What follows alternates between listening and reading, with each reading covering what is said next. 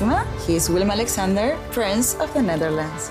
How did an Argentinian lady end up on Wall Street? That's a long story. Well, I have time. Mama, Oh, het is Maxima. ik heb er nog nooit zo verliefd gezien. Screw everyone. All I care about is you. Maxima. Vanaf 20 april alleen bij Videoland. Alice in Wonderland, aflevering 8, door Bart Slegers. Alice hoort het konijn in gesprek met een stem die ze nog nooit gehoord heeft. Appels rooien? zei het konijn boos. Kom me hier maar eens uithelpen. Zeg, eh, Peet, wat eh, is dat daar in het raam? Toch zeker een arm, edelachtbare. Hij sprak het uit als arm. Een arm, uilskuiken. Wie heeft er ooit zo'n grote gezien? Jongen, jongen, hij vult het hele raam. Eh, ja, zeker weten, edelachtbare. Maar een arm is het even zo goed. Nou, hoe dan ook, hij heeft er niks te maken. eh, Ik ga hem er weghalen. Hierop volgde een lange stilte en ving Alice alleen nog gefluister op nu en dan. Zoals, bevalt me niks, edelachtbare, dat is wel zeker. En, doe wat ik zeg, lapek. Ten slotte spreidde ze haar hand weer uit en deed weer een greep in de lucht. Deze keer klonken er twee kreetjes en weer geluiden van brekend glas.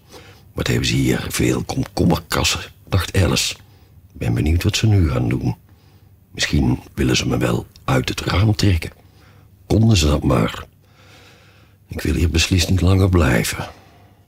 Ze wachtte een poosje zonder nog iets te horen.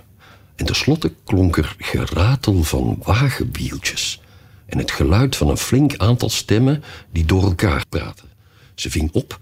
"Eh, waar is de andere ladder? Eh, hoezo, ik hoef er maar één mee te nemen. Eh, Wil heeft de andere. Wil, eh, breng hem hier, jong. Zet hem hier, in de hoek. Nee, eerst aan elkaar binden. Ja, ze komen nog niet eens halverwege. Ah, dat lukt best, niet zo zeuren. Hier, Wil, pak aan dat touw. Eh, houdt dat dak het wel?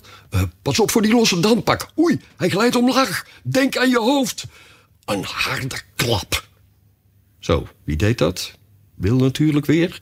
En wie gaat de schoorsteen in? Nee, eh, ik doe het niet. Eh, ga zelf maar. Nee, mij niet gezien. Wil moet het doen. Hoor je het, Wil? Meneer zegt dat jij de schoorsteen in moet. Ah. Dus Wil moet de schoorsteen in, hè? zei Alice bij zichzelf. Toe maar, Wil mag het weer opknappen. Ik zou niet graag met hem ruilen. Deze open haard is nogal nauw, dat is waar, maar een beetje schoppen, dat zal nog wel lukken.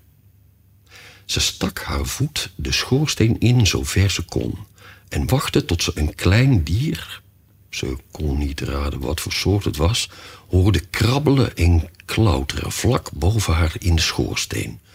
Toen zei ze bij zichzelf: Dat is Wil. Gaf één felle schop en wachtte af wat er nu ging gebeuren. Het eerste wat ze hoorde was een eenstemmig... Daar gaat Wil! En toen alleen de stem van Konijn. Vang hem op daar, jij, bij de heg. En toen stilte. En toen weer stemmen door elkaar heen. Eh, til zijn hoofd op. Brandewijn. Ja, ja, laat hem niet in stikken. Eh, wat was dat nou, eh, ouwe jongen? Wat is er gebeurd? Vertel op. Ten slotte klonk er een zwakke, piepende stem. Dat is Wil, dacht Alice. Eh, tja, eh, ja, ik wou dat ik het wist. Eh, nee, nee, ik hoef niet meer, dank je. Het gaat wel weer. Maar ik ben toch even de kluts kwijt. Wel weet ik dat er iets als een duiveltje uit een doosje op me afkwam en hup, daar ging ik. Als een vuurpijl de lucht in. ja, nou en of, ouwe jongen, zeiden de anderen. We gaan het huis platbranden, zei de stem van het konijn. En Alice riep zo hard als ze kon: Als je dat doet, stuur ik Dina op je af. Er viel direct een doodse stilte. En Alice dacht bij zichzelf: Het zal me benieuwen wat ze nu gaan doen. Als ze ook maar een beetje verstand hadden, dan haalden ze het dak eraf.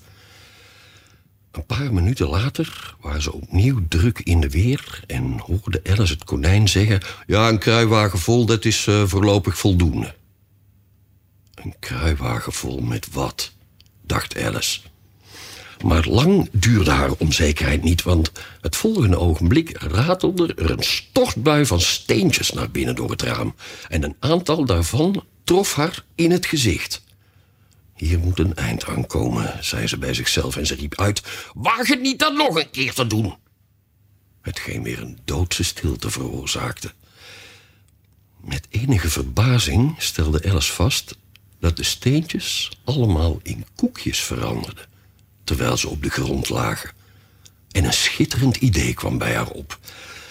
Als ik zo'n koekje opeet, dacht ze, verandert dat vast en zeker iets aan mijn lengte. En omdat het me onmogelijk groter kan maken, zal het me wel kleiner maken. Dus schrokte ze een van de koekjes op en merkte tot haar grote vreugde dat ze direct begon te krimpen. Zodra ze klein genoeg was om door de deur te kunnen, rende ze het huis uit en trof buiten een grote menigte van kleine dieren en vogels aan. Die stonden te wachten. De arme kleine hagedis, Wil, stond in het midden, ondersteund door twee Chinese bichtjes die hem iets lieten drinken uit een fles.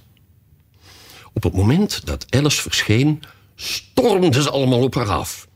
Maar ze gingen vandoor zo snel als ze kon en gauw was ze veilig en wel in een dicht bos. Het eerste wat me te doen staat, zei Alice bij zichzelf terwijl ze door het bos dwaalde, is mijn eigen lengte terugkrijgen. En het tweede is dat ik de weg naar die mooie tuin moet vinden. Ja, dat lijkt me het beste plan. Het klonk als een uitstekend plan, geen twijfel aan, en heel helder en simpel van opzet. De enige moeilijkheid was dat ze er geen flauw idee van had hoe ze het aan moest pakken. Terwijl ze bezorgd rondtuurde tussen de bomen, maakte een scherp blafje net boven haar hoofd dat ze eilings omhoog keek. Een reusachtige jonge hond keek op haar neer met grote ronde ogen en stak slapjes een poot uit om haar aan te raken. Oh, arm hondje, zei Alice op vleiende toon. En ze deed haar best naar hem te fluiten. Maar ze had het intussen vreselijk benauwd bij het idee dat het dier honger kon hebben. In welk geval het haar hoogstwaarschijnlijk zou opeten. Ondanks al haar gevlei. Nauwelijks beseffend wat ze deed, raapte ze een stokje op en hield het de jonge hond voor. Waarop deze met alle poten tegelijk de lucht insprong, jankend van vreugde, en op het stokje afvloog en deed alsof het hij het te lijf wou. Toen dook Alice achter een grote distel om niet omvergelopen te worden. Zodra ze aan de andere kant verscheen, vloog de jonge hond weer op de stok af en sloeg over de kop in zijn haast hem te pakken te krijgen. Ja, Alice die vond dat het veel leek op een spelletje met een karrepaard... waarbij je elk ogenblik verwacht vertrapt te worden onder zijn poten... holde daarop nog eens rond de distel. En vervolgens begon de jonge hond aan een reeks korte uitvallen naar de stok... en rende telkens een klein eindje vooruit en een heel eind terug... onder schor geblaf, totdat hij tenslotte ging zitten... een flink eind weg met zijn tong uit zijn bek en zijn grote ogen half dicht. Dit vond Alice een goede gelegenheid om te ontsnappen. Dus ging ze er meteen vandoor en bleef rennen tot ze doodop en buiten adem was. En tot het geblaf van de jonge hond heel vaag in de verte klonk. Nou, het was anders wel een lief klein hondje, zei Alice. Terwijl ze tegen een boterbloem leunde om even uit te rusten en zich koelte toewaaierde met een van de bladeren. Ik had hem dolgraag kunstjes willen leren, als. als ik er maar de juiste lengte voor had gehad. Lieve hemel, ik zou bijna vergeten dat ik weer moet groeien. Um, eens even zien, hoe krijg ik dat voor elkaar? Ik veronderstel dat ik het een of ander moet eten of drinken. Maar de grote vraag is: wat? Ja. De grote vraag was inderdaad wat.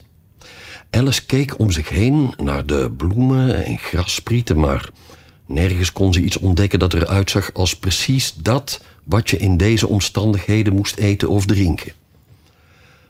Vlak bij haar groeide een grote paddenstoel, zowat even groot als zij. En toen ze eronder had gekeken en aan weerszijden en erachter kwam ze op de gedachte dat ze ook best eens kon gaan kijken wat er bovenop was. Op haar tenen rekte zich zo ver mogelijk uit en loerde over de rand van de paddenstoel. En onmiddellijk ontmoetten haar ogen die van een grote blauwe rups, die er met over elkaar geslagen armen bovenop zat, rustig rokend uit een lange waterpijp zonder enige aandacht te schenken aan haar of aan wat dan ook. De volgende aflevering wordt gelezen door Ilko Smits. Alice in Wonderland is een podcast van Internationaal Theater Amsterdam, Het Parool en Stepping Stone Producties. Vertaling Nicolaas Matsier, uitgeverij Meulenhof Boekerij.